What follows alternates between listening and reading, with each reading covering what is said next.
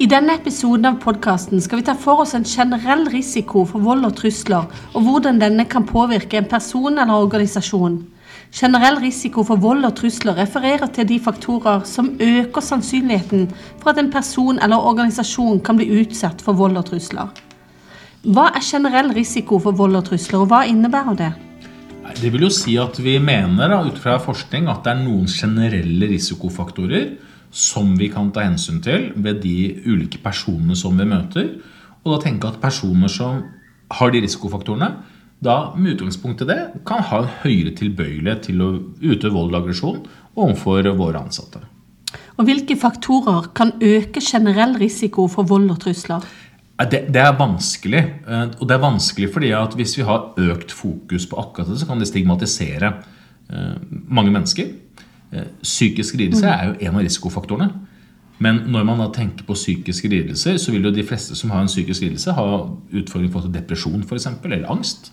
Og personer som er deprimert eller angst, har jo ikke noen tilbøyelighet til å utøve, utøve aggresjon overfor oss i en gitt situasjon. Eh, men hvis vi ikke kjenner til det, da, så blir det enda vanskeligere å forholde seg til personer som kan være i vanskelige situasjoner. Og mye av kjennskapet, mye av intensjonen med å kjenne til denne generelle risikoen, er jo å kunne tilpasse sin kommunikasjon til personer som kan rett og slett mistolke eller misforstå vår kommunikasjon. F.eks. en psykotisk person. Hvis vi da tilnærmer oss den personen for hurtig, eh, kommuniserer på feil måte, så kan det skape en opplevelse av en veldig utrygg situasjon. Men hvis du vet at en psykotisk person kan utgjøre risiko, hvis du opptrer på den, den måten, ja, så reduserer vi risikoen for alle. Hvordan kan man sette i verk tiltak for å redusere generell risiko for vold og trusler? Det er jo for det første å kjenne til det. Og det vi jo ser når vi har forsket på dette, det er jo for det første at det er en del risikofaktorer når det gjelder bruk av alkohol. Og da gjenkjenne personer som er påvirket av alkohol. Eh, og det er akkurat det samme når vi ser på bruk av narkotika. Mm. Og det vi jo ser opp gjennom årene, så endrer også hvilke typer narkotika som man kan knytte til økt grad av aggresjon. Men f.eks. sentralstimulerende narkotika, eh, som amfetamin eller kokain, knyttet til en hurtig opplevelse av tid, eksempel, mm. kan sette disse personene i en situasjon hvor, hvor de kan utøve vold fordi de opplever situasjonen som annerledes. Psykiske lidelser er en annen kategori som er veldig viktig at vi bruker mye tid på når vi jobber med dette. bruker mye tid på å forklare de ulike symptomene. Mm. Men det er jo da spesielt psykose generelt, og spesielt i kombinasjon med narkotika. Mm. Vrangforestillinger generelt og forfølgelsesforestillinger spesielt da. Og, og da personen opplever ulike hørselshallusinasjoner.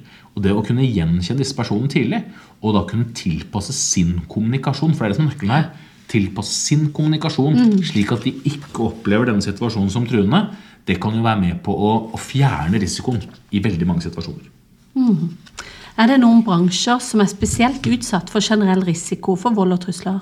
Ja, og det følger jo av de risikofaktorene vi har. Altså personer som jobber innenfor hotell og restaurant, er jo da særlig eksponert fordi at de møter personer påvirket av alkohol og narkotika. Eh, personer som jobber innenfor psykisk helse, personer som jobber innenfor sosialsektoren, er jo da eksponert fordi de forholder seg til personer som eh, eksempelvis eh, kan ha ulike symptomer på psykiske lidelser. Personer som jobber innenfor vakt og sikkerhet er jo eksponert fordi det i seg selv at de utøver sin tjeneste, er med på å øke stressnivået hos personer som de møter. Og personer med en veldig økt stressnivå kan jo oppleve den type tjenester som veldig truende. Og da opptre da aggressivt, rett og slett. Mm. Så det er jo slik at generelle risikofaktorer er noe vi må kjenne til. Men vi må være veldig bevisst på hvordan vi jobber med det, hvordan vi snakker om det, slik at det ikke stigmatiserer da en hel gruppe mennesker ut ifra noen symptomer. Samtidig som hensikten må alltid kunne være å tilpasse vår kommunikasjon og vår atferd slik at risiko for vold og trusler da reduseres. Og det kan reduseres ganske markant. Mm. Neste episode så skal vi snakke mer om det som er veldig tydelig for mange, og det som er veldig viktig for oss, nemlig situasjonelle risikofaktorer. Altså hvilke situasjoner er det som øker risiko.